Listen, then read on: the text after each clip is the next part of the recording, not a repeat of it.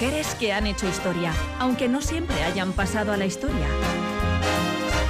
Algunas hoy célebres, otras aún por descubrir. Algunas heroínas, otras villanas, todas singulares. Es tiempo de hacer visible lo invisible. Es tiempo de vivir para contarlas. Dedicamos nuestro episodio de hoy a la incombustible Jane Fonda, actriz, escritora y editora de libros, activista política e inolvidable monitora de aeróbic de los millones de personas que en la década de los 80 compraron hoy sus coleccionables cintas en VHS.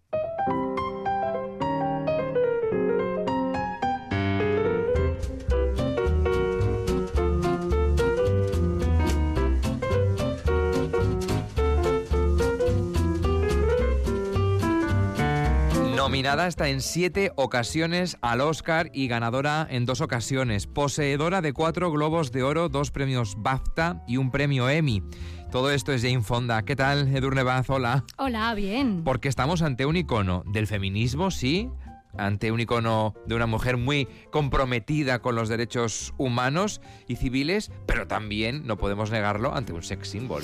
Pues sí, un poco a su pesar también, como luego veremos. Jane Fonda es miembro de una saga familiar de la industria del cine estadounidense, encabezada por su padre, el mítico actor Henry Fonda, y seguida por la propia Jane, su hermano Peter y su sobrina Bridget. A sus 84 años, convertida en una auténtica leyenda, Jane Fonda sigue dando que hablar, sigue incluso dejándose arrestar por el bien del medio ambiente. Hoy, en Vivir para contarlas, nos enfundamos el body elástico, las mallas, la cinta del pelo y los calentadores y tratamos de seguirle el ritmo a la imparable Jane Fonda, la feroz activista conocida en su día como Hanoi Jane.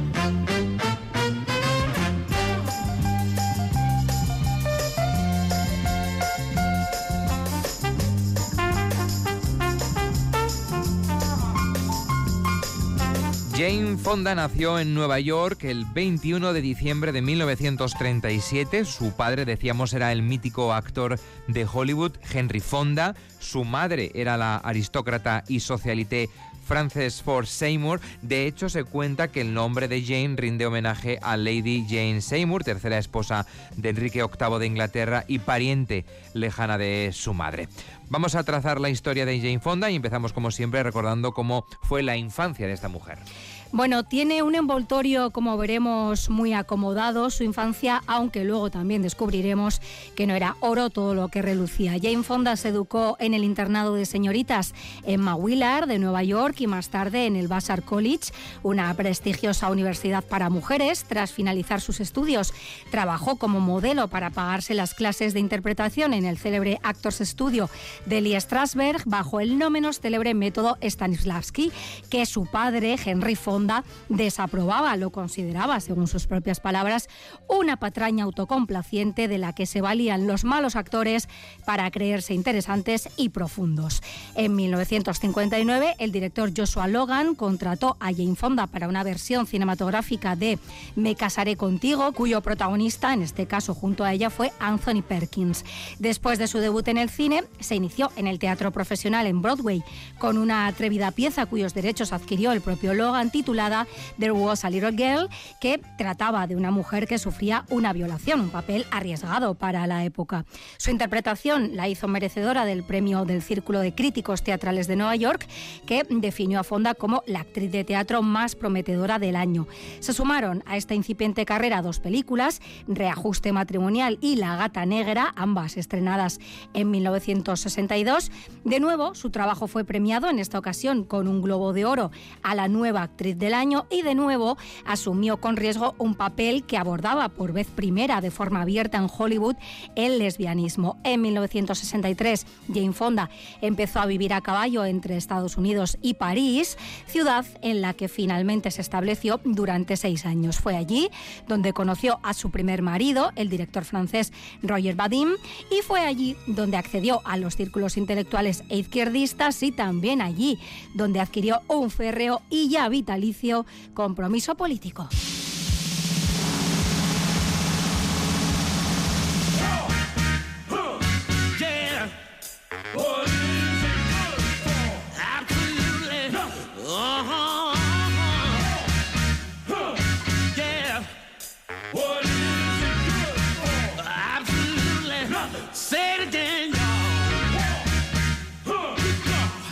Durante la década de 1960 y 1970, Jane Fonda se implicó personal y públicamente en apoyar el movimiento por los derechos civiles de la comunidad negra, en defender los derechos de los nativos americanos y de forma especialmente notoria en denunciar la guerra de Vietnam. ¿Cuáles eran entonces eh, sus batallas y sobre todo, Durne, cómo las libraba? Pues en el contexto de la guerra de Vietnam, junto al activista Fred Gardner y al actor Donald Sutherland, compañero de rodaje en la película Clute, que por cierto le valió a Jane Fonda un Oscar y un Globo de Oro, entre otros reconocimientos, montó una compañía antibélica de entretenimiento bautizada como FTA, Fuck the Army, ¿no? Que le den al ejército, por decirlo, en horario infantil, con la que recorrieron el país, ofreciendo funciones junto a las bases del ejército norteamericano. Organizaron, por lo tanto, una gira por Estados Unidos similar a las que el ejército organizaba con los músicos y actores más célebres del momento, pero la diferencia estaba en que ellos, al contrario que los artistas de la gira, digamos, oficial, no se limitaban a elevar la moral de las tropas, sino que aprovechaban su presencia para explicar a los soldados que iban a ser destinados a Vietnam y también a sus familias el horror que les esperaba en el país asiático. La acción más mediática de esta campaña antibelicista se produjo en 1972 cuando Jane Fonda viajó a Vietnam y dejó inolvidables imágenes que han pasado a la historia durante dos semanas. Recorrió diferentes lugares al tiempo que denunciaba las acciones del ejército norteamericano, mostraba su apoyo al gobierno de Vietnam del Norte y desmentía las acusaciones de torturas a los prisioneros estadounidenses en cárceles vietnamitas. El último día de su estancia en Hanoi, visitó a unos soldados vietnamitas y allí charlaron, cantaron canciones y en mitad de aquel distendido ambiente Jane Fonda se sentó sobre uno de los cañones de un puesto de artillería. Ese momento fue inmortalizado por la prensa y cuando esa fotografía de la actriz sentada sobre aquel cañón, riendo y dando palmas, fue publicada en Estados Unidos, le llovieron todas las críticas que podréis imaginar. Antipatriota, traidora, insensible respecto a los soldados americanos caídos en combate, bueno, escándalo máximo. Un, reguero de calificativos, ¿no? Por esa imagen. De hecho, a partir de aquel momento le fue impuesto ese sobrenombre de Hanoi Jane. Esta polémica imagen y su público activismo político pusieron a la intérprete, atención, en la lista negra de Hollywood y en el punto de mira del FBI ahí es nada, ¿eh? Claro, ya sabemos eh, cómo era percibido el comunismo en aquel momento y, bueno, lo que suponía en Estados Unidos.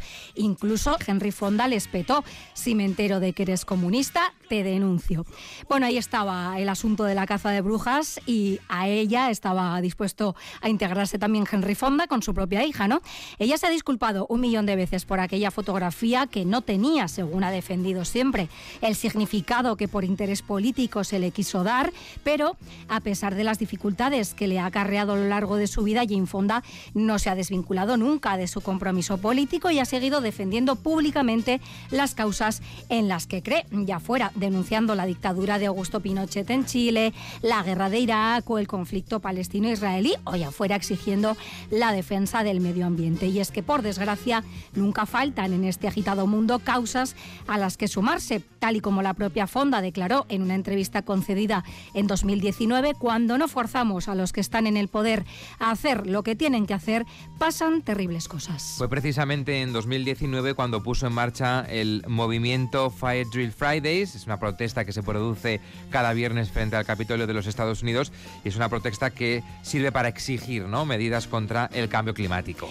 Esas protestas nos han dejado imágenes para la posteridad, no solo por la presencia en sí de Jane Fonda, sino porque en todas sus apariciones aparece luciendo ese abrigo rojo que se ha convertido ya en todo un símbolo y casi tan icónicas como ese abrigo o las propias manifestaciones semanales en sí han sido las imágenes de Jane Fonda siendo arrestada y acusada, no os perdáis el dato, por agruparse obstruir e incomodar. Pero hay que decir que incomodar nunca ha sido un problema para ella. Podría incluso afirmarse que, como luego veremos, la rebeldía ha sido para ella una necesidad vital. Esta actitud resulta visible en muchas de sus más célebres fotografías, sobre todo las juveniles, como la que le hicieron en 1970, cuando regresando de Canadá fue detenida por supuesto tráfico de estupefacientes. Se cuenta que en realidad eran vitaminas, pero ahí, ahí queda el dato, ¿no?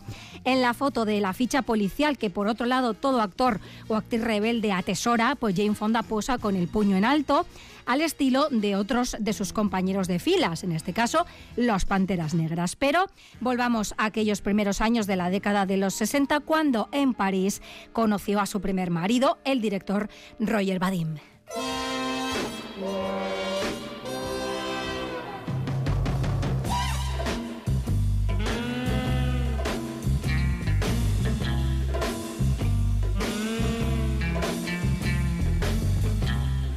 Jane Fonda y Roger Vadim se casaron en 1965, tuvieron una hija a la que llamaron Vanessa, aunque no puede decirse que su relación fuera precisamente saludable. Luego volveremos ¿eh? a este punto un poquito más tarde, porque ahora si te parece, Durne, vamos a ahondar un poco en su filmografía. Sí, la carrera de Jane Fonda como actriz siguió su curso con películas como Domingo en Nueva York, Los felinos, La ingenua explosiva, La jauría humana, Cualquier miércoles, Descalzos por el parque, en este caso con Robert Redford, o en 1968 una de sus películas más icónicas, Barbarella, dirigida por su marido Roger Vadim. Barbarella fue la que convirtió a Jane Fonda un poco a su pesar, como decíamos, en un símbolo sexual internacional. Siguió sumando a su currículum títulos como Danzad, Danzad Malditos, por la que recibió su primera nominación al Oscar como mejor actriz. En 1971 se hizo no solo con su primer premio Oscar, sino también con su segundo Globo de Oro y su primera nominación al BAFTA por su papel en la película Mi pasado me condena. No cosechó el mismo éxito con sus siguientes películas hasta que tomó las riendas de su carrera fundando su propia compañía de cine, IPC Films, con la que rodó celebradas películas como Que le granjeó otro Globo de Oro y una nueva nominación al Oscar. En 1980 protagonizó otra película de culto, Cómo eliminar a su jefe, junto a Lily Tomlin, compañera suya ahora mismo en televisión, y nuestra venerada Dolly Parton. Por supuesto. Bueno, fue poco después, cuando Jane y su padre, recordemos el actor Jane Fonda, adquirieron los derechos de la obra teatral en el estanque dorado con el fin de llevarla a la gran pantalla. Esta película, coprotagonizada por Catherine Hepburn, no solo proporcionó a Henry Fonda el único Oscar de su carrera en la categoría de mejor actor, sino que sirvió también para reconciliar a padre e hija.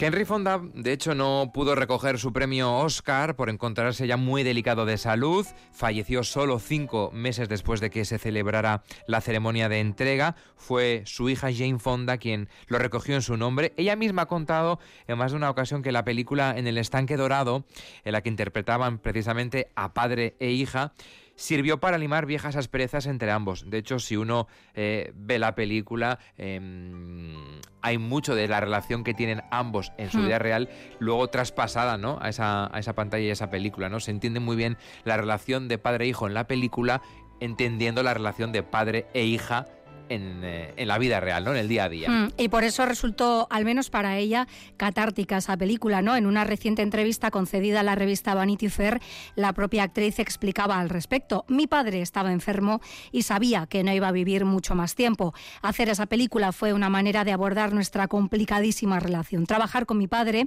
añadía, era como vivir con él. No recibías mucha información, no hablaba demasiado, no quería que le molestaran, pero siempre notabas su presencia.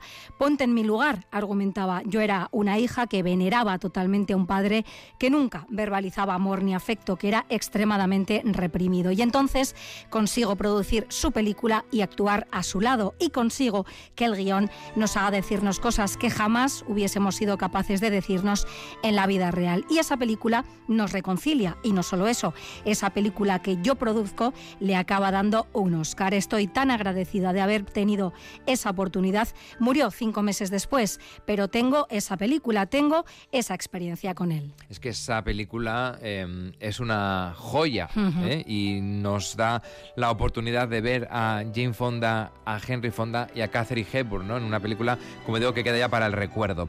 Eh, hablábamos de la fría y difícil relación que mantuvo eh, con su padre, que marcó a la actriz de por vida y más determinante fue, si cabe, el suicidio de su madre cuando Jane tenía solo 12 años. Por eso adelantábamos antes que no era oro todo lo que relucía en la infancia de Jane Fonda. Sus padres, eh, bueno, pues tenían una relación muy complicada. Henry Fonda, al parecer, era un hombre infiel, también por naturaleza. Su madre sufría un trastorno bipolar y estuvo mucho tiempo ingresada en centros especializados. Su padre les dijo en esta ocasión a su hermano y a ella que había sufrido un infarto, pero ellos descubrieron la verdad leyéndola en la prensa y esto pues supuso un shock tremendo, ¿no? Así lo ha contado Jane Fonda. El otro oscuro pasaje de su infancia que ha afectado de por vida a Jane Fonda fue que siendo niña el novio de su niñera abusó sexualmente de ella. Estos conflictos emocionales se manifestaron a través de los trastornos de alimentación que la actriz desarrolló en su adolescencia y contra los que ha tenido que luchar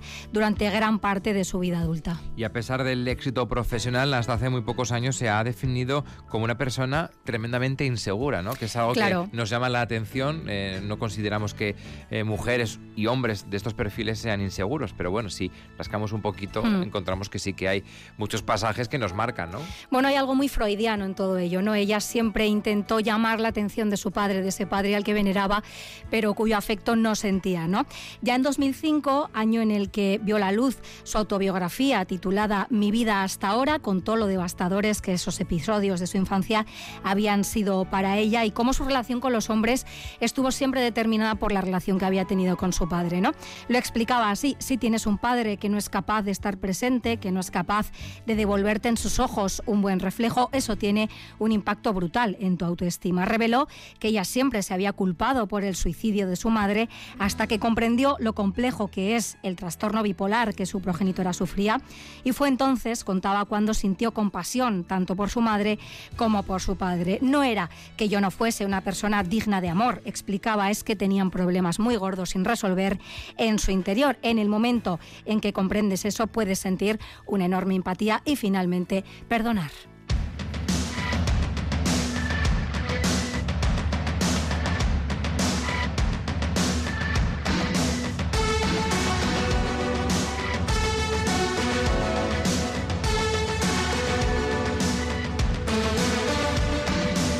Hoy en Vivir para Contarlas estamos hablando de Jane Fonda. Como ella misma ha señalado en alguna ocasión, su vida podría ser una obra en tres actos el del icono sexual, el de la polémica activista y también el de la esposa del millonario. Y estas tres etapas de su vida además se corresponden, Edurne, con sus tres matrimonios. Sí, fue su primer marido, el director francés Roger Bardim, quien, como decíamos, dio forma al icono sexual a través de ese personaje de Barbarella. Su relación, como antes también adelantábamos, no fue precisamente saludable. Sobre él afirmaba ella misma en sus memorias. Podría escribir una versión de mi matrimonio con Bardim en la que él fuera un gandul cruel, misógino e irresponsable también. Podría describirle como el hombre más encantador, bucólico, poético y tierno del mundo. Las dos versiones serían ciertas. Dos caras tenía Roger Badin, el primer matrimonio de Jane Fonda. Su segundo marido fue el activista político Tom Hayden. Y con él Jane se sentía tan insegura como con su primer marido. Pensaba que mis ideas o sentimientos no eran tan importantes o creíbles como los de él, ha contado, ¿no? Con el fin de recaudar fondos para las causas que ambos defendían, Jane Fonda puso en marcha uno de sus más exitosos proyectos, los vídeos de aeróbic, en los que en la década de 1980 ofrecía ánimos a rutinas para la práctica doméstica de esta disciplina deportiva. Estas cintas dispararon la demanda de aparatos de VHS, vendió millones de copias y, atención, donó la mayor parte de los beneficios obtenidos a esas causas que ambos defendían. Pero este éxito, ojo, parece ser que molestó bastante a Tom Hayden, que sintió su masculinidad un tanto amenazada. ¿no? Y el tercer acto de su vida va con el tercer marido, que fue el magnate de los medios de comunicación Ted Turner. Por él abandonó su carrera en 1991, tras más de tres décadas en el mundo de la interpretación, pero su matrimonio con un patológicamente infiel Ted Turner acabó en 2001, una década después, y en 2005 Jane Fonda regresó con la taquillera comedia La madre del novio, junto a Jennifer López, sumó nuevos títulos a este cuarto acto de la obra de su vida, como El mayordomo, Ahí os quedáis o La juventud. Y en la actualidad disfruta de las mieles del éxito televisivo con la divertida, además multipremiada serie Grace and Frankie que alcanza ya su séptima temporada y que podemos ver en Netflix. Atrás quedó el viejo hábito de concederse solo el valor que le concediera el hombre con el que compartiera su vida en cada momento. Una permanente asunción sobre mí, ha contado ella, es que soy una marioneta siempre dispuesta a que venga un hombre a moverme los hilos. En un tiempo pudo ser cierto, hasta los 60 años no tuve la suficiente seguridad en mí misma como para sentirme segura sin tener un hombre al lado y siempre elegía a los hombres porque pensaba que podían hacerme mejorar pero ninguno de mis matrimonios fue democrático porque estaba demasiado preocupada por complacer. Abanderada hoy de la causa feminista, Jane Fonda ha participado en campañas contra la violencia de género, ha puesto en marcha un centro de salud reproductiva para adolescentes y ha fundado, junto a Robin Morgan y Gloria Steinem, el Women's Media Center, una organización que trabaja para amplificar las voces de las mujeres en los medios de comunicación. En 2015 sacó al mercado esa mencionada autobiografía en la que no ahorra detalles sobre su azarosa vida y en la que reivindica además ser, cito textualmente, algo más que lo que América conoce. A sus 84 años, con una prótesis de cadera y un cáncer de pecho a sus espaldas, dice estar en uno de los mejores momentos de su vida. Ya no necesita mostrarse rebelde para intentar llamar la atención de su padre, ya no necesita ser quien los demás esperan que sea. Es, en este quinto acto de su vida, una mujer completamente libre.